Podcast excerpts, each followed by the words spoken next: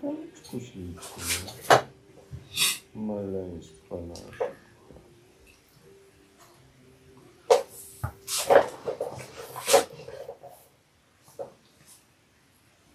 Na równi jesteśmy? No może być. Może być. Myślę, że tak. To zaczynamy? Tak.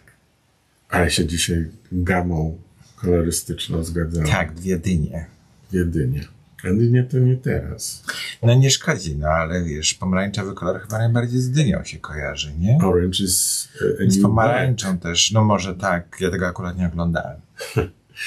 A wiesz co, ja mam dzisiaj dla ciebie temat y, taki y, etyczno-moralny. No właśnie widzę, bo tu naszykowałeś kolekcję albumów Zdzisławy Sośnickiej. Ale nie, to z innego powodu, bo puszczałem w radiu Nowy Świat y, piosenki z nowego filmu Pana Kleksa, z Akademii Pana Kleksa i tam piosenkę Pożegnanie z bajką śpiewa Sana i y, zaczęli pisać słuchacze, że oni chcą koniecznie Zdzisławę Sośnicką posłuchać, bo to było niepokonane wykonanie, genialne i tak dalej i odszukałem, bo Zdzisława Sośnicka wydała taki, no pokazywałeś Tak, ten box przed chwilą, tak. ze wszystkimi nagraniami, ale zremasterowanymi, takimi super po nowemu. I e, znalazłem pożegnanie z bajką właśnie Też pasuje kolorystycznie. Też, tak. Odcienie samotności. To była taka sławna, Tak. dwupłytowy album. Zdzisława Sośnicka z brodą. Gdzie ta broda? No na ekranie widzisz. A, twoją brodą, tak. No w każdym razie y, Zdzisława Sośnicka, mi się przypomniało przy okazji tej płyty, że jeździłem ze Zdzisławą Sośnicką po Polsce, bo ona mnie kiedyś poprosiła, żebym zapowiadał jej recitale. Y, Dla mnie to było wielkie wyróżnienie, bo ją bardzo lubiłem i oczywiście się zgodziłem i jeździliśmy. Rzeczywiście to był taki dopracowany, niesamowicie recital w tych czasach, kiedy ona śpiewała Aleje Gwiazd, Mhm. ale tam Czyli wchodziło... połowa lat 80. No pierwsza połowa lat I, 80. i, nie, jakoś chyba później. trochę. No nie wiem. Bo to jeszcze były, wiesz, to nie tylko to. To był ten moment, kiedy ona nie, jak to później było. ni stąd, ni zowąd pojawiła się jako blondynka i wszystkim Tak. szczęki opadły, że ona jest taka młoda i tak ładnie wygląda I, jeszcze. o, tu jest na tym zdjęciu jeszcze miała takie stojące tak, włosy. takiego nalimala trochę. O, tak, w ogóle niepodobna do wcześniejszej wersji Tak, bo swojej. wcześniejsza wersja była brunetką. Potem pozazdrościła jej tej metamorfozy Hanna Banaszak i też się pojawiła właśnie jako taka blondynka e, w nowoczesnym makijażu w Opolu i zaśpiewała coś tam z ziemią było. Nie piosenka, taka, taka patetyczna, ale ładna ta piosenka. Spękana ziemia, spalona ziemia. Ty nie możesz teraz odejść, jestem rozpalonym lodem. A, no nie, No. to była piękna No piosenka przepiękna. e, z Saka Samba Tak, e, e, o rozstaniu. o tym- tak, że o porzuceniu właściwie. Tak, ale to jest y, piosenka ostatnia, Mhm. jaką napisał dla niej Jonasz Kofta. Kofta, Znaczy, mhm. Jonasz Kofta napisał polski tekst do piosenki, która jest południowoamerykańska. E, I, y, czy- czyli melodia nie jest nasza, ale ten tekst to był ostatni tekst, jaki przed śmiercią napisał Jonasz Kofta. I też pamiętam, że zapowiadałem Hannę Banaszak, jak to śpiewała. Po raz pierwszy wtedy słyszałem tę piosenkę chyba na koncercie w Katowicach. I, y, I ona wtedy powiedziała, że to ostatni tekst, jaki od niego dostała. I, I ta piosenka robi niesamowite wrażenie. A już wtedy, kiedy po raz pierwszy była pokazywana, no to w ogóle ludzie płakali, dosłownie płakali, bo to i wzruszająca piosenka, i sama Banaszak była No wzruszona. cudownie to śpiewała. I ten moment, kiedy, kiedy się żegnaliśmy z Janaszem Koftą, który był jednak wspaniałym poetą, takim, takim sercowym, no, takim do środka, takim skromnym No, bardzo, ale, ale niesamowicie silnym w przekazie. I za wszystko popamiętam, ja też stałem za kulisami, płakałem ze wszystkimi. Ale do, do Zdzisławy Sośnickiej Zaraz wrócimy, momencie, poczekaj, no to już wypowiedziałaś, to ja też się wypowiem. Pamiętam ten moment, kiedy ona w Opolu wystąpiła właśnie z tą piosenką, kompletnie odmieniona, w zupełnie innym autorażu. Pamiętam, że moi heteroseksualni koledzy nawet przeżywali różne chwile uniesienia w związku z tym, ponieważ niesłychanie na nich erotycznie podziałała. No zawsze, Anna Banaszak zawsze Tak, ale działała. to było jednak trochę inne pokolenie, no więc wiesz, tutaj nagle ona wystąpiła, znowu przeszła metamorfozę i trafiła do tego młodszego pokolenia, a to, co zrobiła Zdzisława Sośnicka właśnie pamiętam ten moment, kiedy ona się, bo ja to wtedy oglądałem telewizję, to było w dwójce i ona wystąpiła w dwójce, się pojawiła, rozmawiano z nią właśnie pod kątem tego, że ona taką właściwie jakby samą siebie zabiła z wcześniejszą i, i powstała jak Feniks zupełnie nowa. Pamiętam, że było to dla mnie niesamowite przeżycie. Pamiętam, że mojej mamie nawet mówiłem, że no widzisz, też byś tak mogła, bo moja mama z Sośnicką jeździła przecież, e, e, ale moja mama już wtedy była blondynką, więc nie bardzo miała jak się prze, przetransformować. No, poza tym należała do zespołu Filipinki, więc Tak. one musiały pasować do siebie. Nie, no to już było, mówię po tym, w tym momencie, kiedy Sośnicka e, zrobiła tę wielką metamorfozę i wróciła zupełnie nowym repertuarem. Natomiast jeszcze co ciekawe, a propos Hanny Banaszek, dla Filipinek Janusz Kofta też napisał jedną piosenkę. Która to była? O dziesiątej muszę być w domu, czyli o dziesiątej. Dziesiątej. No właśnie, wszystko się y, wiąże, wszystko się Tak jest. plącze. Nawet jak nie wiemy, że jesteśmy splątani, to potem po latach się okazuje, że byliśmy splątani o tym nie wiedząc. Tak jest.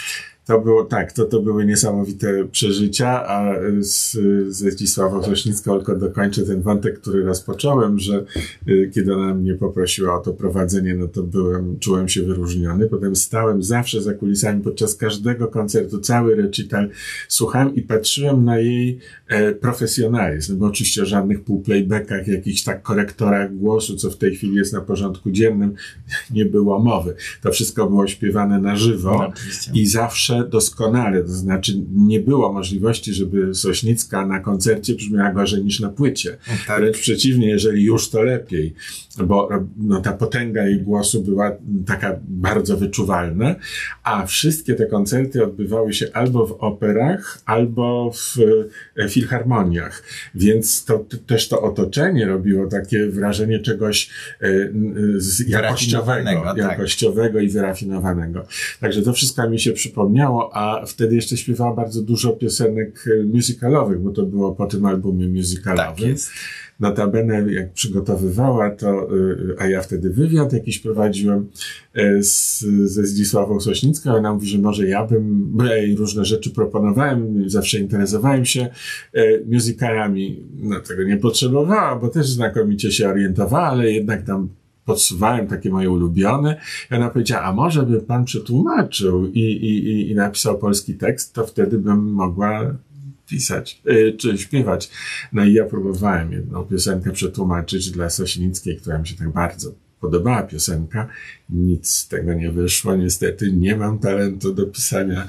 Tak się strasznie wstydziłem przed samym sobą. Oczywiście nie pokazałem. Nie pokazałeś. No, chyba nie pokazałem Okej. tego, bo się za bardzo wstydziłem. To był ten moment, kiedy wiesz, jak to jest, jak się jest młodym, to się wydaje, że wszystko, Wszystko jest... można, chciałem się powiedzieć, że to jest taki czas, Tak, nie? wszystko że jest możliwe. Wszystko zrobię, po czym nagle Oczywiście. się uderzasz I zaczy- ścianę. Tak, zaczynasz swoje ograniczenia poznawać. No, to był jeden z tych momentów. Natomiast o, opowieść o Sosińskiej ze sceny i zapowiadanie jej było dla mnie wielką przyjemnością. Pamiętam, jak śpiewała Somewhere. E, e, to był tak potężny dźwięk i myślałem sobie, Boże, ona chyba lepiej od Barbary Streisand śpiewa. Tak, To robiło była wrażenie. Ona z kolei towarzyszyła, bo to jeszcze był ten moment, kiedy była gwiazdą towarzyszącą, nie była główną gwiazdą. A Co się potem zmieniło, okresie. tak, z Filipinkami, z czerwonymi gitarami, to była trasa w 70 roku.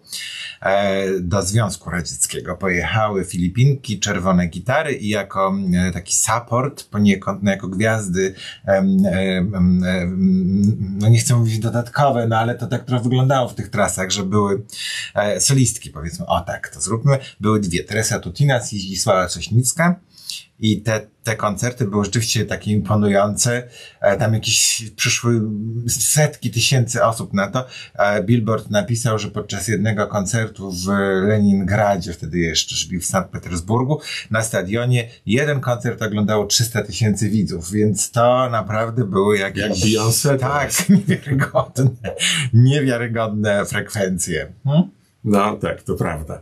E, Ale to a propos tego, że płyta leżała u mnie na biurku, a ja i inne pytanie mam dla ciebie, bo to ono mnie od dawna y, coraz, coraz nawet bardziej chyba dręczy. Tak, i nurtuje. Ponieważ z, z takim przerażeniem, ale też i fascynacją przyglądam się e, komentarzom, które pojawiają się w różnych, na No ja różnych jestem wielkim tutaj fanem tych komentarzy. No, no ja nie, bo jestem przerażony taką amoralnością, która tam jest. Mówię o trollach, no oczywiście. e, którzy piszą komentarze, które które chyba trole piszą komentarze bardzo często nienawistne, e, zawierające w sobie taką e, agresję, złość. E, my często, nie zdając sobie sprawy, że to są trole, bierzemy to za wypowiedzi prawdziwych ludzi i wyrabiamy sobie zdanie w ogóle o świecie, że ludzie są straszni, że, że są głupi. Polacy są że są straszni, to okrutni. dotyczy przede wszystkim polskich stron. Ale wiesz, to nawet nie jest to, że czy my wiemy, czy my nie wiemy, bo nawet jak my wiemy, że to są trole, to jak widzimy takie komentarze pod tekstem jakimś, to automatycznie to w nas uderza i na nas działa. Ale moje pytanie nie, nie Ja dotyczy wiem. tego, tylko pomyślałem sobie, bo dowiedziałem się, że koło nas tutaj jest tak zwana farma Fabryka, troli. tak, farma- farma oni, troli. oni tam chodzą, wychodzą na papierosa i tak dalej. I jak się przechodzi, to można zobaczyć, to są młodzi ludzie. E, najczęściej. E, I pomyślałem sobie, gdybyś spotkał kogoś, kto by się okazał twoim znajomym, albo kimś nowym, kogo właśnie poznajesz. I dowiedziałbyś się, że zarabia w ten sposób, że pracuje na farmie troli i że na zlecenie y, y, sączy nienawiść. Mhm. Jak byś zareagował na to? Czy byłbyś w stanie przejść nad tym do porządku dziennego i się na przykład zaprzyjaźnić z taką osobą? Mhm. Powiem tak. To wszystko zależy od em, przesłanek, którymi kie, które kierują takim człowiekiem. No skąd byś wie? On ci, No on wiesz, jeżeli to powie, jest twój znajomy. że ma kredyt. Poczekaj, jeżeli to jest ktoś, kogo poznajesz w ogóle dopiero, to no oczywiście w tym pierwszym odruchu to jest ktoś, kto jest dla mnie skreślony, jeżeli ja się od razu dowiaduję, że to jest ktoś, kto pracuje jako troll, nie? Natomiast jeżeli e, poznaję, ko- jest to ktoś, z kim ja się przyjaźnię od lat, kogo znam od lat i w wyniku jakiejś sytuacji ten ktoś właśnie dlatego, że ma kredyt, dlatego, że nie może znaleźć pracy, zaczął pracować jako troll, ale wiem, że nie ma takich przekonań i że robi to dlatego, że jakby jemu się wydaje, że nie ma wyjścia. Mówię, jemu się wydaje, bo najczęściej Lub- jest jakieś wyjście. lub jej. Lub jej, są obu płci. To wtedy myślę, że nie skasowałbym takiej osoby, natomiast na pewno bym e, na, naciskał, żeby zrewidowała swoje podejście i żeby jednak przestała pracować w takim miejscu. To znaczy jednak widzisz usprawiedliwienie. Nie że- wiem, czy to widzę usprawiedliwienie, Bo jednak jest... efekt pracy takiej osoby jest ten sam. Tak. To znaczy, czy robi dlatego, że potrzebuje pieniędzy, czy robi dlatego, że sprawia jej to przyjemność, czy jemu, e, to nie ma znaczenia, ponieważ efekt jest ten sam. Efekt jest e, w takim, e, to, to, to są ta, takie wzmacniacze nienawiści społecznej. Sączenie trucizny. Tak. No a dobrze, a powiedzmy teraz w drugą stronę. Zygmunt Kałużyński pracował jako censor w czasie komuny. Czy to wpływało na twój stosunek do Nie niego? wiem, czy on pracował jako Pracował, cenzor. mówił o tym głośno. chyba tylko. No nie, nie, jednak zajmował się cenzurowaniem filmów. Nie. Tak. O czym ty mówisz? No przecież sam o tym opowiadał. Nie. Co to znaczy cenzurowanie Cen- filmu? w cenzurze pracował Zygmunt Kałużyński, pracował w cenzurze filmów w, w Polsce, dopuszczając filmy do kin. Ale Boże, no wiedziałem, że ty mylisz pojęcia. To nie była cenzura. To ty jesteś chyba jednak za młody, żeby rozróżniać, czym była komisja e, No. decydująca o zakupie filmów e, e, dewizowych na rynek Tak. polski od cenzury. Dobrze, no to czym się to różniło? no, I to jest Dobrze. właśnie to nieszczęście. No. przecież ty nie jesteś, nie masz 20 lat. Nie. To teraz pomyśl sobie, jak mówię o cenzurze i o tamtych czasach ludzie 20-30-letni, którzy wszystko mieszają, jeszcze im się podpowiada, szczególnie niektórzy, którzy mają prawicowe poglądy, e, to, to jeszcze tak podjudzają, że ta Dobrze. komuna to wszystko było co najgorsze. Oczywiście było mnóstwo co najgorsze, ale jednak to nie było to samo, co ty powiedziałeś. Otóż cenzura to była firma, y, urząd państwowy, Tak. w którym byli zatrudnieni cenzorzy na etatach. Ci cenzorzy byli oddelegowani do różnych pism, gazet, y, y, wydawnictw książkowych, telewizji, radia. Mieli pod opieką y, określone dziedziny Tak. i prze, tak, także imprezy wszystkie, y, właśnie estradowe na przykład także. I żeby móc no, emitować program, czy y, opublikować artykuł. No, ja pracowałem w polityce, Tak. y, w tygodniku Polityka, w czasie, kiedy jeszcze była cenzura, to jak już był numer przygotowany, to każdy artykuł musiał iść do cenzury Tak. i w cenzurze dostać pieczątkę, Dobrze. że może być drukowany. Cenzor często mówił, no dobrze, ale tu proszę pana, mam uwagi. Tak. Tu to nie powinno być, bo po co tu jest zapisane socjalistyczne? Tak. Niepotrzebne jest socjalistyczne. Możemy z tego zrezygnować przecież. A tu, wie pan, z tego co pan pisze, to jest taka sugestia, nawet jeżeli nie wprost, że u nas jest gorzej niż tam. Po pierwsze, nie ma pan na to dowodów. Po drugie, po co jątrzyć sytuację? Zrezygnujmy Ja z tego. No, oczywiście, ja no, ci ale mówię, też- na czym polegała cenzura. No. To była cenzura. Tak samo jak twój ojciec y, y, jakąś konferencję Ja rozumiem. przygotowywał, za on musiał dostać pieczątkę. Powiedz mi w takim razie. Natomiast z czym się zajmowała ta komisja? No. najpierw musiałem powiedzieć nie tylko Dobrze. tobie. Okej. Musiałem tym, którzy nas słuchają, Tak. a mają mniej niż 60 lat. Tak. E, czyli nie mogą sami pamiętać dokładnie, jak to wyglądało. Szczególnie jeśli nie pracowali w tej dziedzinie. A to, co, o czym mówiłeś, że Zygmunt był częścią, częścią tego, y, y, tej komisji zakupu Tak. filmów było kilkudziesięciu y, urzędników Ministerstwa Kultury, ale nie cenzorów, nie z cenzury, dziennikarzy, krytyków filmowych,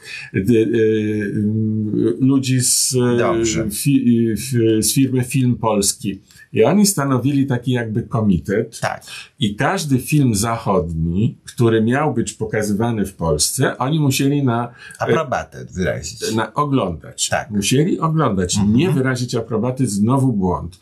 To nie chodziło o to, że oni mają to zaaprobować. Mhm. Oni mieli, powiedzmy, ze 100 filmów wybrać 30 rocznie, bo na tyle tylko było dewiz, to Tak. znaczy dolarów czy przeliczników dolarów. Czyli tyle można było z zachodu kupić filmów na rok, bo, wie, bo to było wszystko państwowe instytucje, państwowe pieniądze i taka suma do podziału. I teraz oni decydowali, które z tych 30, z tych 100 mogą być zakupione, czyli znajdą się w grupie tych 30. Tak. I jakimi teraz- przesłankami No tak. Ja, jakimi kryteriami? Jakie No, stosowali kryteria? Kryteria, przesłanki. No. Kryteria były podstawowe takie, jakość. Artystyczne, Pod, tak. Artystyczne, jakość. I dlatego tam było tylu Mhm. krytyków, dziennikarzy i tak dalej. I drugie, cena tego, Mhm. ponieważ film zachodni mógł kosztować, nie wiem, 30 tysięcy Mhm. dolarów albo 100 tysięcy dolarów. Mówię w tej chwili na rybkę, bo ja nie wiem, ile wtedy kosztowały. Musiałbym pogrzebać w jakichś dokumentach, żeby się dowiedzieć. Ale w każdym razie za tę samą sumę można było Mhm. kupić jeden bardzo y, kasowy film, albo cztery inne, które też y, przyciągną publiczność do kin, a są y, no, dużo tańsze. Bo też zależało od tego, czy to będzie film amerykański, czy angielski, czy włoski, francuski. To miało wpływ. Dobrze. To, poczekaj, to No miało. dobrze, no. zapytałeś mnie, no to ja No dobrze, ale bardzo rozwlekle opowiadasz. Ja Jakbyś bardzo chciał za, szczegółowo. zamont, za, za, Nie. tutaj za, zamącić Nie, cały ja, obraz. ja po prostu chcę, żeby to było jasne. Tak. I teraz po to, co ja mówię, jestem przekonany, że ani dla ciebie, ani dla naszych słuchaczy nie jest oczywiste. I chcę jeszcze tylko dalej powiedzieć, że często było tak, że na przykład sugestia była, żeby tych amerykańskich nie było za dużo. Mhm. Wobec tego No, lepiej kupić, lepiej kupić cztery francuskie Mhm. niż jeden amerykański, żeby nie było przewagi amerykańskiej Mhm. w repertuarze. I i teraz dochodzę do tego, o co ci chodzi. Zdarzały się filmy, które nie były akceptowane ze względów politycznych. Tak. W ten sposób na przykład były odrzucone wszystkie filmy o Jamesie Bondzie, agencie 007. Wydaje się to absurdalne. No nie. to film sensacyjny. Z Rosją walczył. No, ale zawsze agent y, służb MI6, y, czyli y, służb wywiadowczych brytyjskich, y, walczył przede wszystkim z Rosjanami. Mhm. Teraz dalej walczy, ale już z szaleńcami, a nie z Rosjanami. Chociaż tam jakieś rosyjskie e, konotacje najczęściej, bardzo często się zdarzają. No, więc krótko mówiąc tak, były takie filmy jak Łowca Jeleni, Mhm. e, gdzie e, też na przykład była rosyjska ruletka. Mhm. Rosyjska ruletka już nie mogła Mhm. istnieć, bo to było skojarzenie ze Związkiem Radzieckim, No tak. z towarzyszami, przyjaciółmi i tak dalej. I wtedy, ale tylko wtedy, brany był pod uwagę element polityczny. Tak. I teraz nie możesz powiedzieć o Zygmuncie Kałużyńskim, że był cenzorem, bo on odgrywał w tej komisji, nie tylko on, ale właśnie dziennikarze i krytycy, rolę tego, który walczył o takie filmy jak Łowca Jeleni, żeby mimo wszystko się pojawiły, zresztą Tego nie nieskutecznie. wiemy. Wie, no wiem, no y, wiem od niego i od innych. Ale nie, zdo, nie zdołali wtedy przekonać tych, którzy byli urzędowo, z, także byli cenzorzy, ale nie oni byli cenzorami. Nie można tego tak ujednolicać. Dobrze, Tomku, znaczy ja uważam, że ta komisja również rolę cenzorską w pewnym stopniu stanowiła. Ale czy Zygmunt Kałużyński nie, to nie chodzi, że ja atakuję Zygmunta, tylko po prostu pokazuje, że nie wszystko jest zawsze czarne i białe. Popierał y, ustrój y, socjalistyczny, czy nie popierał? Dobrze, ale co ty się przyczepiłeś do tego? No bo Oczywiście, mi że mówisz, popierał, ale z jeżeli, przekonaniem. Przepraszam cię, Ale jeżeli nie- ty mi mówisz, że ja, jeżeli, co ja bym zrobił, gdyby mój znajomy okazał się trolem? Ja ci daję przykład w drugą Ale to stronę. jest o nienawiści, mówię o trollach, a Zygmunt... był- Niekoniecznie. No jak niekoniecznie? Zygmunt mówił zawsze, że najważniejsze są jego, y, jego interesy i jeżeli dana partia polityczna spełnia jego oczekiwania, na te, te partie będzie popierał. Tak mówił czy nie? Nie. On mówił, że każdy, Mówił tak. że każdy człowiek powinien No. popierać tę partię, która działa w jego interesie. Tak mówił. Dobrze, dobrze. A ty Do- to do- w do- jakiś sposób, wiesz, te- to samo niby mówisz, ale w sposób o, y, oskarżający. Ja go nie oskarżam, bo to Ale były to ja bardzo mówię, tak specyficzne brzmi. czasy. Ale nie, My teraz, teraz też powinno być bardzo specyficzne czasy. Teraz też jest tak, że każdy z nas, kiedy idzie do wyborów, Tak. powinien wybierać tę partię, która zabezpiecza jego No i interesy. tak, zrobiliśmy No. nasze interesy Tu się nic nie tak, zmieniło. e, komfortu psychicznego bądź komfortu życiowego. O, tak to powiem, bo wybór w tej chwili, którego dokonaliśmy, to był w dużej mierze wybór dotyczący komfortu psychicznego i wybraliśmy koalicję zamiast PiSu. Nie niszczyło ciebie to psychicznie, co robił PiS przez ostatnie pięć lat? No oczywiście, No że właśnie. tak. No, ale tu byłem zgodny ze, z sobą. Nie musiałem żadnych kompromisów podejmować, kiedy e, na koalicję głosowałem. Dobrze, no ja też nie, absolutnie, chociaż sam nie mówiłeś, rozumiem, o co ci chodzi. Sam mówiłeś, że na przykład PO nie jest w pełni pa- partią, którą popierasz. To nie jest w pełni... No więc pewnego nie, kompromis. mówiłem, że nie jest partią, która w pełni realizuje to, na czym mi zależy. I w związku z tym, no trudno, z, zagłosuję y, na tę partię, mimo że mam różne rzeczy jej do zarzucenia, ale z braku laku jest najlepsza. Dobrze, no widzisz, czyli poszedłeś na kompromis. Nie na kompromis, wybrałem partię, która w największym stopniu realizuje moje potrzeby. Gdybyś nie poszedł na kompromis, nie poszedłbyś w ogóle zagłosować. Nie, ty wszystko wiesz tak Nie ujednoznaczniasz. ujednoznaczniam No. wcale. No, znaczy, ja ci tylko pokazuję, że nie wszystko zawsze jest A czarno-białe. nie musisz mi tego pokazywać, bo ja wiem Ale to. ty, formułując tak, a nie inaczej pytanie dotyczące tego, czy ja bym się przyjaźnił z kimś, kto pracuje jako troll, czy nie, to również to bardzo zero-jedynkowo e, ustawiasz. Dlatego, żeby rozpocząć dyskusję, trzeba ustawić zero-jedynkowo, bo wtedy jest O. szansa na wymianę. No, no to ja jakby już przeszedłem po Nie, zrobiłeś co innego, zaatakowałeś mojego Nie przyjaciela. zaatakowałem Tak. Zygmunta. Poza tym to nie o to chodzi, że zaatakowałem twojego przyjaciela, tylko nawiązałem do sytuacji, które miały miejsce w twoim i w moim też życiu. No. Ale nie do końca znałeś szczegóły.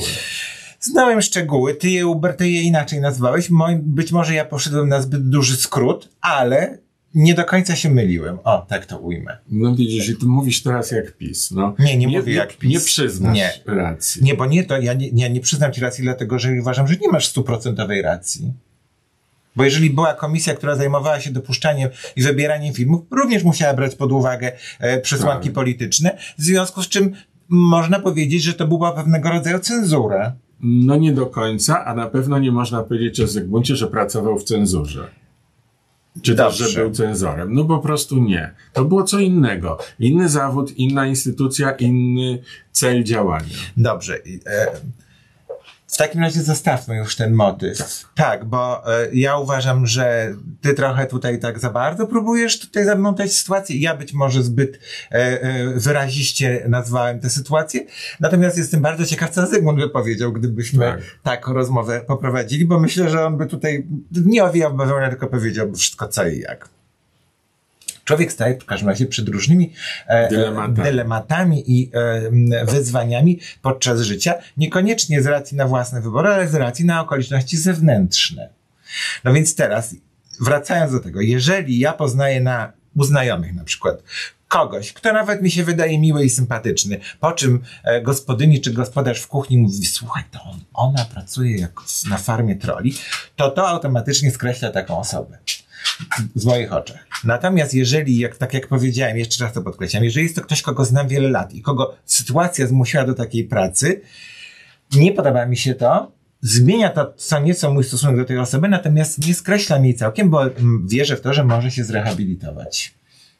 Jaka sytuacja może zmusić kogoś do bycia podłym? Do bycia podłym, na przykład choroba nowotworowa w rodzinie i konieczność zarabiania pieniędzy na leczenie matki, bądź to, co ja miałem przed chwilą, e, konieczność łożenia na dom opieki na ojca, co kosztowało mnie miesięcznie średnio 6 tysięcy złotych. Ja musiałem te pieniądze zarobić. Nie pracowałem jako troll, bo mam inne możliwości, ale gdybym nie miał tych możliwości, musiałbym się podjąć pracy takiej, jaka mi wpadnie w ręce. Dlatego, że co miesiąc musiałem zapłacić 6 tysięcy złotych. No ale sam powiedziałeś, miałeś inną Ja pracę. miałem, ale nie każdy taką sytuację No jeśli komfortową ma jak ktoś ja. jest na tyle inteligentny, żeby pracować na farmie troli, a pamiętaj, że tam są ludzie, którzy pracują głową. Ja wiem. Bo oni jednak na zlecenie muszą sami wymyślać te obrzydliwości, które Widzimy, jak, wypiszą. jak te obrzydliwości wyglądają. Roją się od błędów e, gramatycznych, stylistycznych i Ale językowych i Bardzo ortograficznych. często celowo, ponieważ y, y, jeżeli się wpisuje tekst z błędami, sugeruje się to, że ta osoba przynależy do określonej grupy Czym społecznej. innym jest y, inteligentne zmienianie słów tak, że aby treść była zrozumiała, a algorytm tego nie wykrył, a czym innym jest pisanie, nie wiem, e, e, jakiegoś słowa z błędem Nie, nie. e, ortograficznym, który jest w ogóle nieistotny, jeżeli chodzi o przekaz w Nie, treści. nie chciałem tego powiedzieć, No. tylko zupełnie coś innego. Mianowicie często jest tak, że osoba posługująca się językiem literackim Mhm. Wpisze w tekście zadanym nie jak ona sama się posługuje, nie takim językiem, jakim się posługuje, tylko na przykład takim językiem prostym, człowieka, I pisze, który... który przez otwarte. Tak, po to właśnie, żeby zasugerować, że jest to osoba mało sprawna w pisaniu, może, czyli, tak. czyli, że ludzie prości popierają tę grupę albo taki pogląd, bo, y, bo to jest takie sugerowanie, że to nie, nie jestem ja, nie w moim imieniu, tylko to jest pisane w imieniu Gdyby- określonej grupy ludzi. Gdyby było tak, jak mówisz, to nie mielibyśmy zjawiska takiego tsunami e, jakiejś koncepcji, która się pojawia w tych komentarzach, jeden do jednego w 50 różnych komentarzach. I, czyli mamy na przykład takie samo jakby sformułowanie i taka sama teza jest w każdym z tych komentarzy, które się pojawiają. Widać, że jest to robione mechanicznie przez ludzi, którzy są raczej prości, nie myślą specjalnie, tylko wykonują swoje, e, swoje zadanie wyznaczone. Nie są prości, są tylko podli i w tym wypadku rzeczywiście mogą być też na tyle leniwi albo zmęczeni, żeby kopiować y, pewne y, y, sformułowania, bo to jest, idą na łatwiznę. Być może, że będą za chwilę z tego rozliczeni, Mhm. albo stracą pracę, albo dost, dostaną po, y, po premii, nie wiem jak oni są tam rozliczani, Mhm. ale z punktu widzenia pewnie kogoś, kto zarządza trollami, na pewno jest to wada w ich pracy. Ja myślę, że my trochę tak mówimy bardziej o tym, co nam się wydaje, a nie Tak. to, co wiemy na Bo pewno. nie wiemy, jak jest Bo zarządzana. Dokładnie, nie wiemy, jak funkcjonuje farmatroli, może na szczęście, e, ale moim zdaniem trafiają tam ludzie, którzy albo są kompletnie wyzbici jakichkolwiek e, zasad moralnych i wszystko im jedno i będą pisali paski do TVP dawne, albo będą właśnie pracowali w farmie troli. To też Nawet traktują ludzie. to jako pewnego rodzaju jaja pewnie. Widziałeś tych, co piszą rodzaj paski? anarchii takiej, którą manifestują. Tak, widziałem, widziałem, bo to pokazywali ten No. pokój. Tak, widziałem, gdzie oni To siedzieli. są młodzi ludzie. Ja nie rozumiem, jak można w młodym wieku już być tak takim zgniłym. No. To nie wiem, czy, to jest kwestia zgnia. Ja myślę, że naprawdę większość z nich to jest to samo, co masz pato streamerów, czy pato youtuberów, albo różne pato zjawiska wśród młodych ludzi w mediach społecznościowych. Oni traktują to jako wywracanie systemu, albo jako, jako bekę, jaja, siarę, czy cokolwiek. Czyli myślisz, że są anarchistami? To nawet, wiesz co, to już jest bardzo szlachetne określenie, mm, nazwanie kogoś anarchistą, a oni mają anarchistyczne zachowania nie z racji na przekonania takie głębokie, tylko najczęściej z racji na głupotę albo na chęć zysku. Albo demoralizacja. Albo demoralizację. No widzieliśmy wszyscy te mm, filmiki młodych ludzi, jak- się odnoszą na przykład do rodziców. No to jest demoralizacja już w bardzo młodym wieku, e, e, jakby przyswojona, chciałem powiedzieć. No tak, no skażenie tą demoralizacją w bardzo młodym wieku. A jak na Następuje. przykład dobrze, spotykasz, poznajesz kogoś, jakiegoś człowieka e, i rozmawiacie, no, poznajecie się. I w pewnym momencie dzwoni komórka u tej osoby. I ona mówi, sorry, bo e, muszę odebrać, to stara dzwoni. No, scenariusz pisze. No. Tak. I e, stara dzwoni, matka A, dzwoni. tak już się nie mówi. No, jak się mówi teraz? Mama dzwoni. Nie, nie. Nie chcę o takim powiedzieć, kto mówi mama. E, W każdym razie zaczyna rozmawiać z matką Mhm. w sposób ordynarny, w sposób, no co? No. Dlaczego chcesz? Mówiłem No. w taki sposób. Przestań, nie, No. y, nie będę, ale od... i tak dalej. No. I słyszysz to, po czym ta osoba odkłada telefon i dalej z tobą rozmawia. Tak. Czy to zmienia twój stosunek do tego człowieka? No raczej po tym, jak usłyszałeś tak, Jeżeli ktoś w ogóle w w taki sposób się, szczególnie nowo poznany, odnosi do kogokolwiek, to znacząco wpływa na twój stosunek, a na twój nie? No mój bardzo. No. Dlatego pytam, bo nie jestem pewien, czy to jest moja sytuacja, czy, czy każdy tak reaguje, a w każdym razie, czy ty tak reagujesz. Znaczy, no, jeżeli kogoś poznajemy, no to obserwujemy tego kogoś pod wieloma kątami, nawet nieświadomie i, em, e, e, i sobie wyrabiamy na jego temat zdanie. Pierwsze, co, co oceniamy, to oczywiście wygląd, sposób, w jaki ten ktoś się rusza, mówi, jaką ma mimikę i to jest pierwszy sygnał, który do nas dociera i to jest przyzwolenie na taki kontakt, bądź też blokada takiego kontaktu, ale drugie to jest sposób zachowania, sposób mówienia, język, jakim ten ktoś się posługuje. Jeżeli jest to ktoś nowy, kto mówi w taki sposób, e, no, totalnie jakiś taki knajacki i, i, i, i, ordynarny, no to wiadomo, że to nie, nie zaiskrzy, o tak powiem, przylotu nie będzie, nie? No, ale czy, czy wtedy przychodzi ci do głowy, bo ja wtedy zaczynam myśleć, czy ja mogę coś zrobić w tej sytuacji. Bo powiedzieć tak po prostu nie mogę oczywiście, ale czy w ogóle jestem w stanie jakoś, nie wiem, wpłynąć na to, żeby świat nie był taki wredny? Nie bardzo jesteś na to w stanie wpłynąć, dlatego że e, nikogo, tak kogoś nie zmienisz, nie przekonasz go na pewno. A E, może? mm, Raczej nie. Niestety to zawsze jest tak, że, bardziej- że łatwiej jest ściągnąć w dół niż wciągnąć w górę. W związku z czym e, nie przekonasz nikogo filmem ani kinoterapią. Jeżeli jest to jakiś zakapior, no to na pewno to na niego nie wpłynie. Ja uważam, że mogę. Trochę. Są takie sytuacje, które bardzo mi przeszkadzały zawsze, kiedy byłem ich świadkiem i między innymi dlatego ja tak niechętnie się angażuję w takie celebryckie różne atrakcje i trzymam się mocno na uboczu. Kiedy ja widziałem, że ktoś, kto jest debilem, albo jest, e, no właśnie takim prostakiem tak naprawdę wewnętrznym, skąd- wypowiada, pozwól mi dokończyć, wypowiada się w sposób ordynarny, ale jest znany, bardzo bogaty, czy jakiś, jakoś ustosunkowany. Osoby, które tak nie myślą i tak się nie zachowują, zaczynają mu nadskakiwać i zaczynają mm, być wobec niego miłe. Widziałem takie sytuacje wielokrotnie i wybudziło to moją najwyższą odrazę. I robiłeś coś z tym? Nie, odwracałem się i odchodziłem. Ja nie czuję się tutaj jakimś działaczem i nie mam zamiaru zmieniać takich ludzi. Ja oczywiście w pewnym sensie staram się wpływać na świat, ale robię to przy pomocy moich książek, które są kierowane do młodych odbiorców i mam wielką nadzieję, że te książki, w których staram się zawierać jakieś takie mm, uniwersalne przesłania i, i, i staram się e, rozwijać empatię tych czytelników moich, w jakiś sposób na poprawę tego świata wpływają, ale to jest, to jest moja praca i na tym to polega. Ja nie będę chodził i nie będę mówił, nie rozmawiaj z nim, bo to debil. No. No, a gdybyś e, spotkał po latach e, kogoś, kto był twoim czytelnikiem i który e, poznałeś Tak. jego czy ją je- jeszcze jak byli dzieciakami i, e, i uwielbiali twoje książki, mówili, że to są najlepsze książki, jakie czytali w życiu i prosili o autografy i, i zależało Dobrze, im na no, tym, żeby ciebie no. spotkać.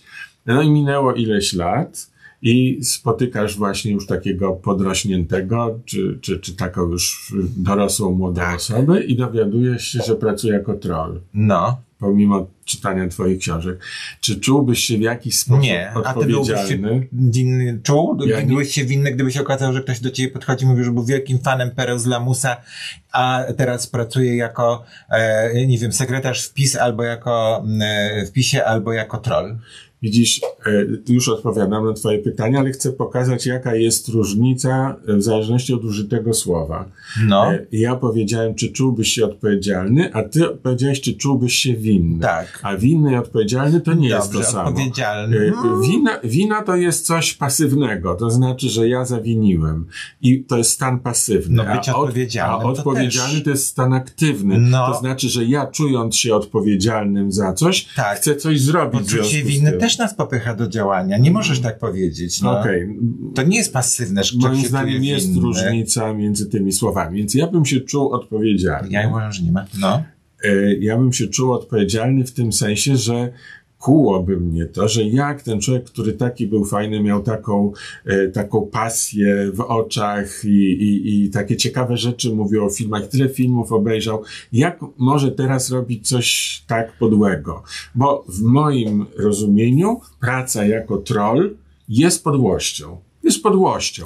Niezależnie od tego, z, jakiej, z jakiego powodu wynika, bo nawet jeśli ktoś musi zarabiać pieniądze, e, i- Żeby przeżyć. żeby przeżyć, to ja to nazywam, że z powodu e, sytuacji finansowej zdecydował się na podłość. Mhm. E, To nie zmienia oceny moralnej tego, co robi i nie usprawiedliwia, po prostu pozwala zrozumieć, Mhm. ale nie usprawiedliwić. Podłość jest podłością, niezależnie od pobudu. No więc ja bym to pewnie zrozumiał, natomiast bym e, tego na pewno nie usprawiedliwiał, ani bym tego nie zaakceptował. Natomiast teraz sytuacja, e, o której mówiłeś wcześniej, e, że ty byś się czuł e, odpowiedzialny. Próbowałbym coś Ja bym się zrobić. nie czuł odpowiedzialny, dlatego że ja nie jestem Bogiem i e, nie, e, człowiek ma własną wolę. Ja nie, nie poczuwam się, nie mam aż takiego w sobie za, za, zadufania, żebym ja uważał, że jeżeli ja przekazałem jakąś treść komuś młodemu, to ja już go naprawiłem i że to jest e, moja odpowiedzialność, że on poszedł w złą stronę. Absolutnie A Mnie nie. o co innego chodzi. Mnie chodzi No. o to, żeby tych troli było mniej. Oczywiście, że tak. No. No, że sz- szukam różnych sposobów. No, oczywiście to na potrzeby rozmowy teraz, bo zdaję sobie sprawę, że niektóre pomysły są nierealne, Tak. a inne mogą się okazać częściowo realne. Że no może jakąś presją społeczną można zniechęcać No, do podejmowania tak. się takich zadań. Pierwsza rzecz to jest taka. Trole po co są trollami, po co tak działają? No. Raz, że szerzą dywersję i, e, i, i po prostu rozsyłają e, treści, ale dwa, Na zlecenie. oczywiście, jeżeli jest jakiś artykuł, na przykład, nie wiem, no na rybkę teraz mówię, zupełnie coś nie wiem, Tusk upiekł sernik, nie? I pod tym, co jest pozytywnym wydarzeniem, nie powiedzmy, no upiekł sernik, wow, fajnie. E, Przy czym naprawdę to jest absurdalny przykład, ale my mamy teraz na równi tego typu komunikaty. Tak, Z jednej tak. strony mamy tutaj tysiąc osób zginęło podczas trzęsienia ziemi, a z drugiej strony Tusk upiekł sernik. To wy, występuje na równi. I pod tym komentarzem ludzie wchodzą, czytają to, uśmiechają się, mówią fajnie, nie? Po czym patrzą i są komentarze, taki, siaki, owaki, tutaj, tego, wa, tak, no, te.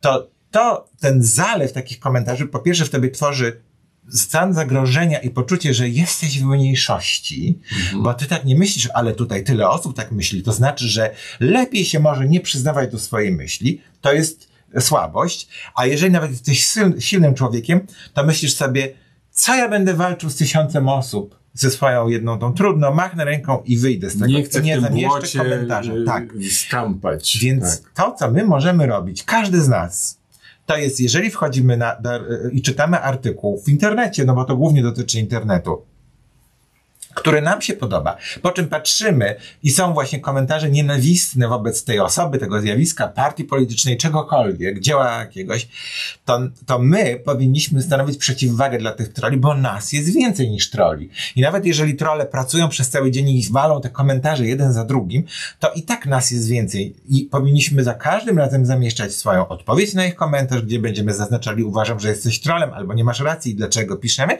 albo za, za, zamieszczamy pod danym artykułem pozytywny komentarz zgodny z, naszą, z naszym patrzeniem na tę sytuację. W ten sposób możemy z nimi wygrać, bo możemy ich przykryć, możemy ich wypchnąć.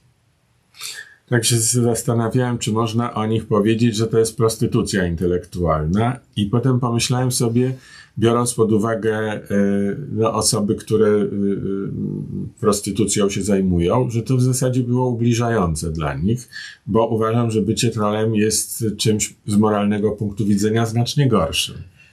Oczywiście, że tak, ale tacy ludzie byli, jak świat długi, stary, za każdym razem się pojawiali różni klakierzy, którzy w ogóle nie, nie mieli żadnego własnego jakiegoś kręgosłupa moralnego, tylko y, wykonywali to, co w danym momencie im się opłacało. zdrajcy dawniej byli. Niekoniecznie. No to byli tacy, wiesz, jacyś no, konformiści różni, którzy... Zaprzedańcy. Ty- tak, no ale to jest hipokryzja, hipokryzja i tak dalej, no to są wszystko tak stare e, zjawiska jak człowiek. Tylko, że ja wierzę w to głęboko, że jednak mimo wszystko ten świat się zmienia na lepsze i tych, którzy zaczynają być świadomi jest coraz więcej i zaczynają dzięki internetowi, który z jednej strony umożliwił tym trollom tak jawne działanie i wpływanie na bieg zdarzeń, ale z drugiej strony nam wszystkim, którzy trollami nie jesteśmy i którzy trolle potępiają, umożliwił jakby przeciwdziałanie jakieś i świadome mm, konsumowanie tych treści. No, ale tutaj żadnej świadomości nie ma, ponieważ y, praca troli nie jest oznaczona literką T w kółeczku, że to napisał troll. Owszem. Niestety to jest coś, co y, udaje rzeczywistość. Tak, tylko my mamy jakby dwa poziomy troli teraz. Jeden to są trole, którzy są opłacani, którzy szerzą, te, sączą te treści, które są odgórnie narzucone przez powiedzmy właśnie partię polityczną. No najczęściej to dotyczy zjawisk politycznych bądź społecznych. nie? Taki rodzaj przekazów dnia. Tak, czyli na przykład z jednej strony mamy e, Kościół katolicki, e, te wszystkie e, organizacje e, e, skupiające konserwatywnych prawników, które te treści antyaborcyjne, antyrównościowe. Mówisz o Ordo Juris? Na przykład, tak. A myślisz, że Ordo Juris zatrudnia troli? Na pewno, na pewno w jakiś sposób korzystają, ale tak jak mówię, to jest tak, z jednej strony mamy te trole, które są wynajęte przez te organizacje, takie, siakie czy inne. Ja nie wiem, czy Ordo Juris ma swoje farmy troli, nie mam bladego pojęcia o tym.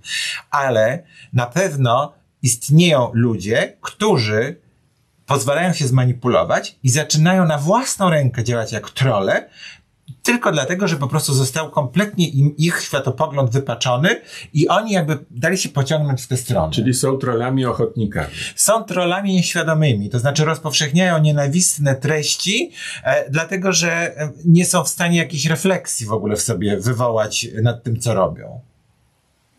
To jest efekt internetu. Tacy ludzie zawsze byli, ale ich działanie ograniczało się do podwórka, ewentualnie do klatki schodowej, do kilku mieszkań, z którymi sąsiadowali, z którymi mieli kontakt ludźmi, którzy tam mieszkali. Natomiast teraz internet dał im głos, który słychać naprawdę na całej planecie, jeżeli tylko ktoś sobie zada trud, żeby nastawić ucho. Tak, bo już nawet nie trzeba znać obcych języków, bo Nie. translatory Są pozwalają. coraz lepsze. Tak, może być w języku tajskim napisane jedno puknięcie już czytamy to po polsku, Tak. prawda?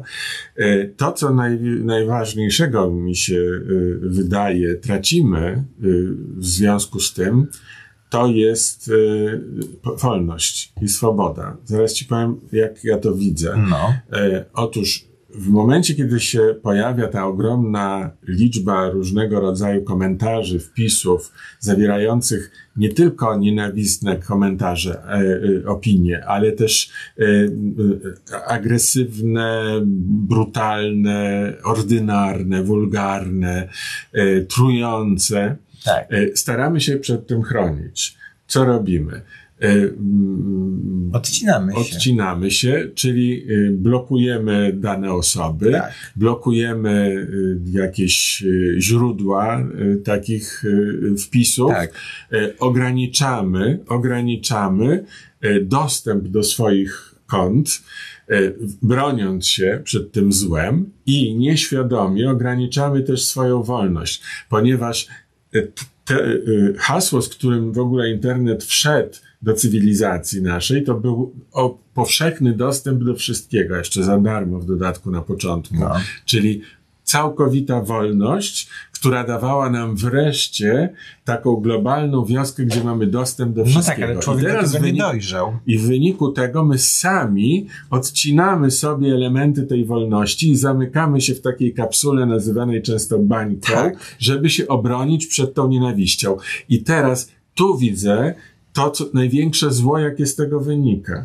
Że my stajemy, stajemy się więźniami samych siebie przez działanie między innymi takich troli, przy czym tych tro, te trole ja traktuję jako pewien symbol, jako, No ja jako pewien znak, nie Tak. Ale to nie jest tak, że my zostajemy ograniczeni wolno, jak My nasza wolność jest ograniczona. Dlaczego ty wychodzisz z założenia, że tej grupy, która jest przeciwna nienawiści, jest mniej niż tej, która jest za nienawiścią?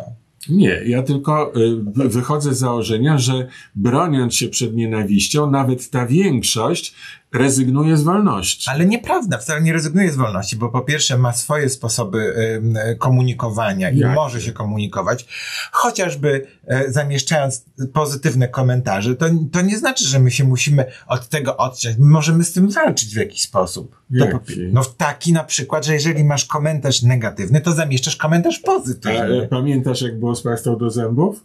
Z jaką pastą do zębów? Jak i- i kiedyś mnie wezwali do firmy, która reklamuje. Ach, że, no, że ja tak, że Że- ja jajko wyszorowałem tą pastą. Tak, ale przy Okej. okazji była rozmowa na inny No. temat, bo ja zapytałem tych marketerów, dlaczego ta firma e, reklamuje swoją pastę do zębów poprzez straszenie ludzi, Aha. że wypadną im zęby, że to, że trzeba pastą, bo No, inaczej staną się tak. straszne rzeczy. I mówiłem tak, wasz konkurent pokazuje, że jeżeli będziecie y, tą naszą pastą Tak. czyścili zęby, będziecie mieli najpiękniejszy uśmiech.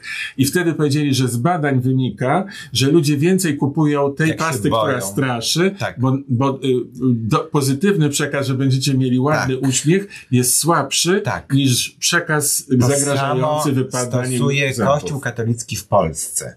I to było też wyraźnie powiedziane. Dlaczego w Polsce Kościół katolicki jest, no, powiedzmy przeciwny kremacji, nie propaguje kremacji. Kościół katolicki za, zaleca pakowanie całego człowieka w skrzynce do ziemi, żeby się tam rozkładał. Dlatego, że jeżeli jest człowiek zapakowany w skrzynce, zajmuje dużo więcej miejsca.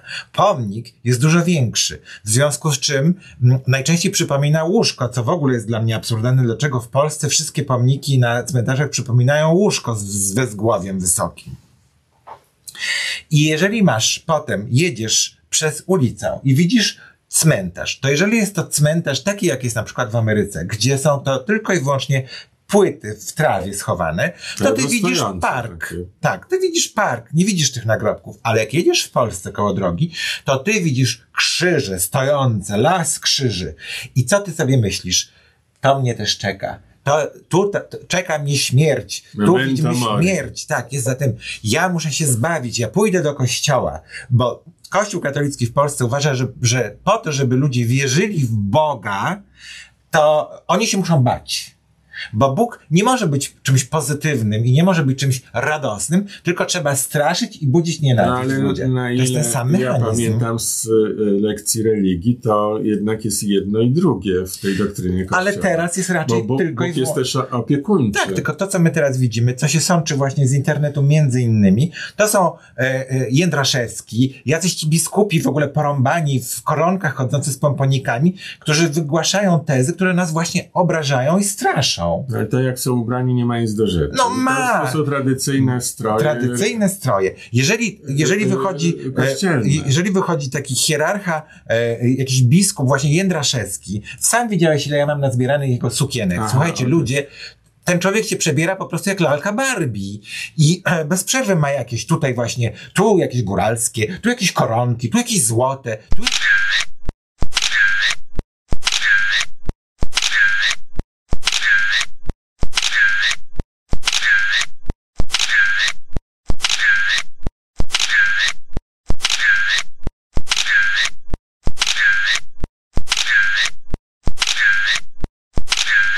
czy właśnie jakieś pomponiki nie na głowie. I ten człowiek mówi, jak należy żyć, jaka jest rola mężczyzny, jaka jest rola kobiety, jak powinien wyglądać mężczyzna i kobieta, ich współżycie i to, że jeżeli mężczyzna założy sukienkę i wyjdzie tak na ulicę, to jest to po prostu kompletny upadek, dno, zgn- zgnilizna i koniec świata, nie? A on sam jednocześnie jest ubrany jak jakaś nałożnica szoguna, no i wygląda po prostu jak, no, no jak po prostu jakiś kuriozum w ogóle z Jak, jak cyrku, no. wygląda nałożnica szoguna? No mam takie zdjęcia, nie wiem, czy będziemy je zamieszczali, bo ja nazbierałem mnóstwo tych jego strojów. To jest fascynujące dla mnie. Ja nie widziałem jeszcze nigdy, e, chyba nawet kobiety się aż tyle tak nie, nie, nie stroją jak Jędraszewski, który zakłada te przeróżne suknie na różne okoliczności. Złote, ale skromne. Raz złote, raz nie, raz właśnie jakieś mm, tematyczne. Nawet w sukni się pojawił z tęczą na śliniaku, no. No ale ty jesteś niewierzący, więc e, podchodzisz do Tym tego jak stand-uper. to- Wiesz, no tak mam dobrze. wrażenie, że wy, wygłosiłeś stand-up w tej Cóż chwili. może mieć wiara do, wspólnego z zachowaniem takiego pajaca? No ale mówiąc na przykład pajac, to obrażasz tych, którzy wierzą. No sorry. Ale co, nie wierzą w Jędraszewskiego? No nie, ale wierzą w, no, W co wierzą? W Boga wierzą, czy wierzą w Kościół katolicki i w hierarchów? no oni stanowią dla nich pewien rodzaj, y, no, Ust, przedstawicieli, przemawia, tak? przedstawicieli, tak, y, ich, ich religii. No to, to Administrują y, księża w końcu sposób wyznawania wiary. Administrują tym. sposób wyznawania tej konkretnej wiary Tak. w tym konkretnym budynku. Tak. No. I co? I, i, I to jest jakby jednoznaczne, że jeżeli ja to, e, e, no, wyśmiewam powiedzmy sobie wprost e, e, i nazwijmy to po imieniu, to ja obrażam ich uczucie? Dobrze, to powiedz tak, jeżeli przychodzą do ciebie świadkowie Jehowy, Tak. e, no i ty mówisz, że dziękujesz e, i z reguły wracasz do domu i tacy mi, mili byli. e, różnie. Ale No. czasem, tacy mili, fajni, aż mi się przykro zrobiło, deszcz padał, no ale przecież nie będziemy ich zapraszać, bo... Czyli bo pamiętam, kiedy świadek Jehowy był u mnie w domu, no. no, znaczy oni pukał mnie. czasami, zawsze parami, nie świadek, No świadkowie zawsze Tak. są. E, ale widzisz, mówisz, e, nie wyśmiewasz ich, nie mówisz o pajace przyszli, coś takiego. No, bo też masz pewien rodzaj e, Tomek, szacunku. do- świadkowie Jehowy mogą budzić mój szacunek, dlatego że oni są nienachalni, przynajmniej ja tego nie widzę. No nie słyszę ich w tej tak. przestrzeni publicznej, oni mi nie mówią, jak ja mam żyć. Oni mnie Mówią. pró- Przepraszam Jak cię, do oni domu, to mnie próbują przekonać do swoich przekonań. Oni mnie próbują powiedzieć, jak być jednym z nich. Wtedy będę musiał zmienić swoje życie, ale oni mi nie wchodzą i nie mówią, ty jesteś zboczeńcem, ty pedale, będziesz się smażył w piekle. E, Jędraszewski też tak nie Jak nie mówi? Jeżeli mówi, że to jest zaraza e, tęczowa i ci ludzie nie są ludźmi, to to jest dokładnie to samo. Znaczy, on pewnie tak myśli, ale nie, e, Oczywiście nie nazywa tego dokładnie No, tymi słowami, ale o to mu chodzi i to jest bardzo czytelne i bardzo jasne, nie? Ci ludzie na mnie tak nie... Ja nie, nie odczuwam wobec nich agresji wynikającej z zaszczucia. Natomiast w przypadku hierarchów Kościoła katolickiego w Polsce i ich wypowiedzi, nie wszystkich, ale tych kilku, którzy, którzy otwierają swoje usteczka i, i sączą ten jad, bo to jest prawdziwy jad, oczywiście to budzi moją agresję i mój silny sprzeciw. Czy chcesz powiedzieć, że w naszej rozmowie w tym momencie postawiłeś na równi e, tych, którzy w farmach troli... A czemu ty tę rozmowę prowadzisz, żeby to był wywiad ze mną? Nie, to jest nasza rozmowa, No ale no muszę... Tak się ja, czuję, jakbym był odpytywany no bo teraz miałeś swój standard. No. I nie, ja stawiam zagadnienia, no ty też stawiasz od czasu zagadnienia, a nawet oskarżenia. E, No więc czy, czy, czy, czy postawiłeś na równi biskupa Ję- Jędraszewskiego z trollami? Myślę, że on jest gorszy. Dlatego, że trole działają jednostkowo i sączą ten swój jad jakby pod skórą. Natomiast Jędraszewskiego słuchają tłumy bezrefleksyjnie i wierzą w to, co on mówi, w związku z czym on ma rzeczywisty wpływ konkretny, jako jeden człowiek, znacznie silniejszy, znacznie mocniej, mocniejszy na naszą rzeczywistość, miał przynajmniej, niż jeden troll. No właśnie, bo nie tylko na tłumy, ale także na państwo ma wpływ. No ma ze względu niestety. na to, że państwo jest połączone konkordatem Tak. z Watykanem Tak. i w wielu miejscach uzależnione od y, kościoła.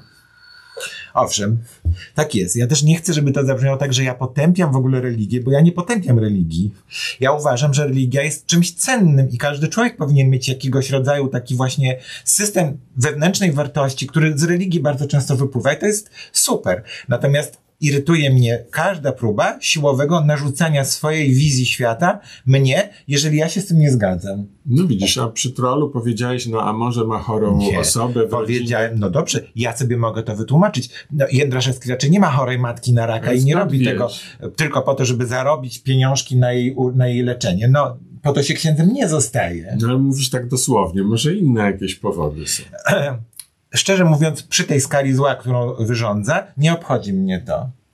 Jeżeli jest to, tak jak powiedziałem, i też nie wkładaj mi w usta słów, których nie powiedziałem, bo jeżeli jest to troll, o którym ja się dowiaduję, że jest to osoba, którą znałem i lubiłem i zaczęła pracować jako troll, to ja szukam pewnego usprawiedliwienia dla niej. Nie skreślam jej, chociaż mam nadzieję, że zmieni swoje podejście. Jeżeli to się będzie przeciągało, jeżeli to będzie trwało bardzo długo, to prawdopodobnie zerwę z kimś takim kontakty. Miałem w swoim życiu taką sytuację i dobrze o tym wiesz. Najbliższa moja przyjaciółka, e, po latach e, znajomości bardzo bliskiej, nagle okazała się osobą, która miała w ogóle światopogląd totalnie odmienny od mojego. Popierała Trumpa, na którego temat peany mówiła. Mówiła o tym, że e, Holokaust to są działania marketingowe Izraela, to nagle w ciągu jakiegoś krótkiego czasu te treści zaczęła e, e, tak bardzo produkować i to jeszcze bardzo tak, tak agresywnie. I ja po każdym kolejnym spotkaniu miałem takie poczucie jakiegoś takiego cierpienia wewnętrznego i musiałem się jakby leczyć z tych, z, z, z, z, tych momentów, dochodzić do siebie i czułem się trochę tak, jakbym się zanurzył w jakimś błocie i najbardziej to było bolesne, dlatego że jakby, jeżeli się z kimś przyjaźnisz, z kimś jesteś blisko, to przez cały, przez ten cały czas masz automatyczne takie przeświadczenie, że łączy was wszystko na wielu poziomach i na przykład taki podstawowy światopogląd również, ale bardzo często o tym nie rozmawiamy. I nagle, jeżeli się okazuje, że ktoś, kogo tak blisko do siebie dopuściliście i, i, i pokochaliście właściwie, nagle ten ktoś okazuje się właśnie czymś, co wy osobiście odbieracie jako niewłaściwe, tak to bardzo delikatnie, jego poglądy są sprzeczne z waszym jestestwem całym, to to jest okropnie bolesne. I to niestety ostatnie 8 lat takie sytuacje wywołały, bo wcześniej sam opowiadałeś, jak było za komuny, że do twoich rodziców, którzy na pewno nie byli e, pro-komuna, ale przychodzili różni znajomi, którzy mieli układy w partii i z partią e, takie czy inne konszachty zawierali i jakie to wywoływało dyskusje, ale nie wywoływało to czegoś takiego jak teraz, że to było na noże wręcz. Tak, nie, nie, to nie było, aczkolwiek wśród znajomych moich rodziców y, to było rzadkie. To no rzadkie. Tak. Rzadko kto był członkiem partii komunistycznej. Bo do tego ludzie się nie przyznawali. No nie, no ale tak po było. iluś latach znajomości to już było wiadomo. Wiesz, ale to... nie zawsze, bo ja w mojej rodzinie się dowiedziałem o tym, że jedna z osób w mojej rodzinie była członkiem partii, o czym w ogóle nikt nie wiedział. No, czyli tajnie była. Tak, no była właśnie z racji na to, że dzięki temu mogła mieć pracę, mogła awansować i tak dalej, zdecydowała się na to, żeby być członkiem partii. To była dalsza rodzina, od razu mówię, żeby że chcieli domyślać czegoś. Ale dopiero po wielu, wielu latach się o tym wszyscy dowiedzieli. E, no tak, i w tej chwili też mamy taką sytuację, że niektórzy ludzie się przestawiają e, i, mm, i tłumaczą, Dzisiaj przeczytałem y, wywiad, y, w którym Leszek Miller opowiada o swojej znajomości z Danutą Cholecką. No. I mówi, że znał ją wcześniej jako, wtedy, kiedy ona przez lata całe pracowała w wiadomościach E, w TVP. Ja też ją świetnie pamiętam, bo ona wtedy prowadziła dzienniki w ciągu dnia, takie tak. o 14. I kiedy nagrywaliśmy z Zygmuntem Kałużyńskim Perły z Lamusa, właśnie w ciągu dnia nagrywaliśmy najczęściej, e, to wtedy i sprawdzaliśmy to, co się nagrało, wchodziliśmy do reżyserki i w reżyserce tam było zawsze kilkadziesiąt małych monitorów, na których były różne ujęcia, tak zwana linia, czyli to, co idzie na antenę w danym momencie i to, co nagrywamy. No i y, między innymi było też połączenie ze studiem na Placu Powstańców, y, gdzie przygotowywała, najczęściej właśnie o tej porze była Danuta Cholecka. I ona się przygotowywała do przeczytania tego serwisu o 14 czy o 12, takiego, co mało kto ogląda.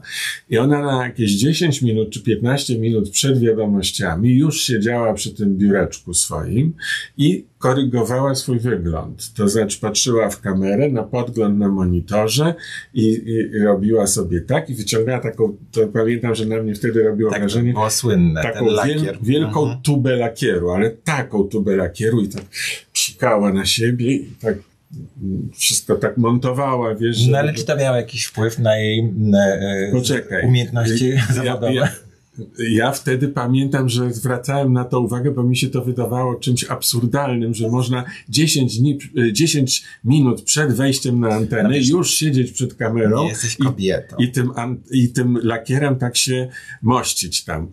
Ale e, e, no, potem już szedł e, serwis.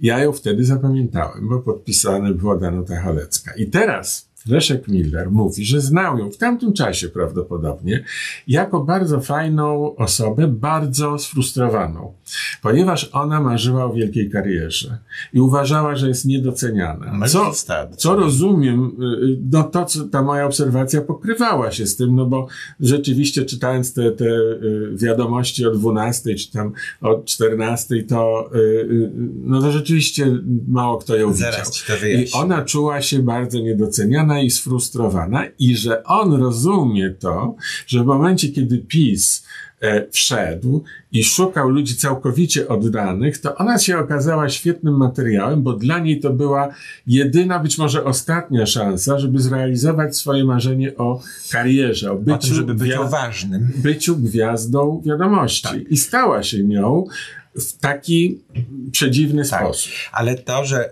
y, pani Cholecka przed pisem nie zrobiła wielkiej kariery, nie wynikało z tego, że dbała o swój wygląd, czy lakierowała sobie włosy. To jest akurat nie w porządku, co Nie, powiedziałeś. lakier... Pozwól to- mi dokończyć. Ja tylko powiedziałem o tym dlatego, że zwróciłem uwagę. Zwróciłeś na uwagę, no nabijałeś się z tego, że przez 10 minut przed wejściem na wizję się picowała. Sytuacja polega na tym, że powiedziałem ja z kolei, że ty tego nie rozumiesz, bo nie jesteś kobietą. Nie o to mi chodzi, że tutaj jakiś seksizm uprawiam, tylko o to, że kobieta, jeżeli występuje w telewizji, pojawia się kobieta i pojawia się mężczyzna, to kobieta zdaje sobie sprawę z tego, że jest oceniana po wyglądzie. Mężczyzna najczęściej takiej myśli w ogóle w głowie nie ma. Chodzi o to, żeby był schludny, żeby mu się nie pomarszczyło, żeby mu marynarka nie zrobiła garba na, na plecach. Natomiast wiadomo, że jak ludzie widzą kobietę na ekranie, to natychmiast w pierwszej kolejności mówią o jej wyglądzie. I takie jeszcze cały czas mamy podejście do tego wszystkiego. W związku z czym tak, drobiazgowe dbanie o własny wygląd, lakierowanie włosów, żeby przypadkiem żaden nie odstawał i tak dalej, oczywiście świadczy przede wszystkim o poczuciu niskiej sam, wartości. Ponieważ tu w tym momencie, jeżeli aż tyle uwagi przywiązywała do, do, te, do swojej prezencji ta pani, to znaczy, że czuła się okropnie niepewnie. Ja to samo powiedziałem, że była sfrustrowana. Tak, ale nie możesz tego wyśmiewać. Nie, no te, Okej. teraz nie wyśmiewam. Raczej powiedziałem, że ten wywiad pozwolił mi zrozumieć jej sytuację. Tak, tak, tylko że w tej sytuacji jest każda kobieta, która się pojawia publicznie. Wiadomo, że ona jest przede wszystkim oceniana przez pryzmat swojego wyglądu, co jest bardzo nie w porządku. Ale mi chodziło zupełnie o Ja coś wiem, innego. Mi chodziło o stan frustracji, który dopro, doprowadził ją do decyzji, aby zgodzić się na coś, yy, no, na co inni nie chcieli pójść, mówiąc już delikatnie. Tak. Ja myślę, że tutaj, jeżeli chodzi o pobudki, to my możemy się domyślać różnych rzeczy, bo tak naprawdę nie wiemy. Nie wiemy tego, czy przypadkiem takie podejście i takie zachowanie i takie em, pracowanie w tej roli nie jest zgodne z jej przekonaniami. Bo możemy przecież przyjąć, że pani Cholecka tak głęboko weszła w tę e, narrację pisowską, tak to ujmę, nie dlatego, że robiła to z chęci zysku i zarabiania tych setek tysięcy złotych, być może też, ale niekoniecznie. Ale być może jest to zgodne z jej No światopoglądem. bo jak widzisz, sam powiedziałeś przed chwilą, że ludzie zmieniają poglądy, że twoja przyjaciółka, która dawniej takich poglądów nie miała, nagle sta, stała się kimś Tak. głoszącym dla ciebie nie, nieprzyswajalne Tak, sądy. ale widzisz, jeszcze tutaj jest specyfika osoby prowadzącej wiadomości i serwisy informacyjne. Ktoś, kto tam pracuje, raczej powinien być przezroczysty, jeżeli chodzi o Tak. jego, s- jego światopogląd. W tamtych czasach, o których mówił e, pan Miller, czy o których ty mówisz, kiedy podglądałeś panią Cholecką w telewizji, to wiadomo było, że jasne formułowanie i stawanie po którejś ze stron było niewłaściwe, bo był to czas, kiedy jakby mieliśmy już takie w miarę zdrowe podejście do przekazywania informacji. Natomiast być może okazało się, że kiedy nastał PiS, który zaczął takie, a nie inne sączyć treści, to być może to na pewnym poziomie było zgodne ze światopoglądem konserwatywnym, dajmy na to, pani Choleckiej. No tak. Więc ja bym jej nie stawiał na równi z trollami, bo za mało wiemy na jej temat. Ja nawet nie jestem pewien, czy ja y, y, jak, jakoś inaczej wypłynął ten przykład. Trochę ja jej tak. nie stawiałem na, Tak. na Znaczy, równi Natomiast to, co mi daje do myślenia w kwestii tej pani, to jest to, że ona w tej chwili znalazła się w, w gronie prowadzących e, w stacji telewizyjnej TV Republika, która w tym momencie jakby stała się taką przystanią, do której zawijają wszystkie te pokiereszowane e, statki e, konserwatywno-pisowskie. I tam szukają Niestety, wiesz, ty mówiłeś o kobiecie, to muszę powiedzieć, że dużo gorzej wygląda w telewizji Republika. Nawet są teraz jakieś analizy, że Tak, że zmieniła imidż w ogóle. nie, że jest źle oświetlona. To wiesz, też, ale że, zmieniła imidż. że Ale jakie to ma. Znaczenie, jak wygląda pani Cholecka? No, bardzo tak niekorzystnie. No widzisz, i robisz właśnie dokładnie to samo, czyli oceniasz ją przez pryzmat, a czy Rachonia też oceniasz pod kątem tego, jak on wyglądał w TVP Info, Nie, ja jak go w ogóle nie oglądam, a nie- nie też publikują jego a, a. Cholecką, przepraszam, panią Cholecką, oglądałeś? Nie, ale publikują zdjęcia. Zdjęcia publikują. Pana Rachonia też zdjęcia publikują i też można powiedzieć, że wygląda gorzej, wygląda napuchnięty, jakieś małoczka maleńkie i tak dalej. No, można tak powiedzieć, ale jakie to ma znaczenie? To To nie ma najmniejszego znaczenia. To prawda, nie ma to znaczenia. No. No, d- ja jeszcze do czegoś dążyłem, ale mnie już y, jakby wytrąciłeś z tego cyklu myślenia, więc nie wiem do czego dążyłem. E, no w każdym razie, w każdym razie, nie, nie przypomnę sobie niestety. No tak, a nie inaczej to wygląda. Myślę, że wystarczy. No i nie wiem, czy temat mm, e, e, no, no dosyć taki bardzo wyszedł. Najpierw mi mówi tak, będziemy rozmawiać, ja chciałem powiedzieć o końcu świata i o tym, co się w ogóle dzieje na różnych poziomach, jeżeli chodzi o, o końce świata e, w nas. Tomek powiedział, że nie, bo to za bardzo będzie polityczne, bo ja tam dałem przykład tego właśnie, że jak to się wszystko zmienia i że PiS i tak dalej. Tomek powiedział, że nie, bo to nie może być polityczne. Po czym tak poprowadziłeś tę rozmowę, że ona jest chyba najbardziej polityczną ze wszystkich naszych rozmów, jakie do tej pory Ale nagraliśmy. to nie ja tak prowadziłem. Ja o troli pytałem. Tak, ale wiadomo, że trole Trole. łączą się z polityką, tak. Niekoniecznie. O trole, o troli pytałem. Ciekawe, czy która forma jest poprawna. Trole Troll? chyba. O troli? Te trole. Pytałem o trole, rodzaj nijaki Czy o troli? No, ale jeżeli są sami męscy trole? No ale nie są. Nie są. No dobrze. No wyszło nam tak, już prawie się pokłóciliśmy w, w, w momencie. Nie, nie pokłóciliśmy się, można Monta. rozmawiać o wszystkim. Tak, bo ty postanowiłeś tutaj y, też jakby no, trzeba zachować, y, uważam, y, zdrowe podejście do wszystkiego i też nie, na siłę nie zmieniać faktów. O. Ja nie zmieniam faktów, tylko y, staram się być y, lo, y, y, Lojalnym przyjacielem. tak. Tak, ja wiem. Ja wiem, I, że i, starasz i się sprawiedliwym. być. I sprawiedliwym, tak, tak. Ale też no, nie można negować tego, że akurat Zygmunt no, w tamtym czasie robił karierę i wiadomo było, że w tamtym czasie, jeżeli się chciało robić karierę, to naprawdę no, trzeba się było troszeczkę unurzać. Ale no. nie był członkiem partii. nie był. Nie. No to chociaż tyle. O ile wiemy, nie był. No nie był. To co, dziękujemy Tak za jest. dzisiaj. Dziękujemy, to jest noworoczne nasze tomato. Karnawałowe. Tak, karnawałowe. Mieliśmy tutaj właśnie dzisiaj takie kolorowe stroje i kolorową rozmowę. Mam nadzieję, że się wam podobało. Marcin jedzie teraz pisać sztukę komediową. Książki też dwie. I książki dwie. Monodram, więc nie wiem, czy ja podołam. Ta rozmowa mniej więcej zapewnie za, za ile? Za 2-3 tygodnie wejdzie od momentu, kiedy ją nagraliśmy. Będziemy zupełnie innymi ludźmi. Ale ty już będziesz miał pół książki No, napisane. jeśli się uda, zobaczymy. Na razie. Cześć.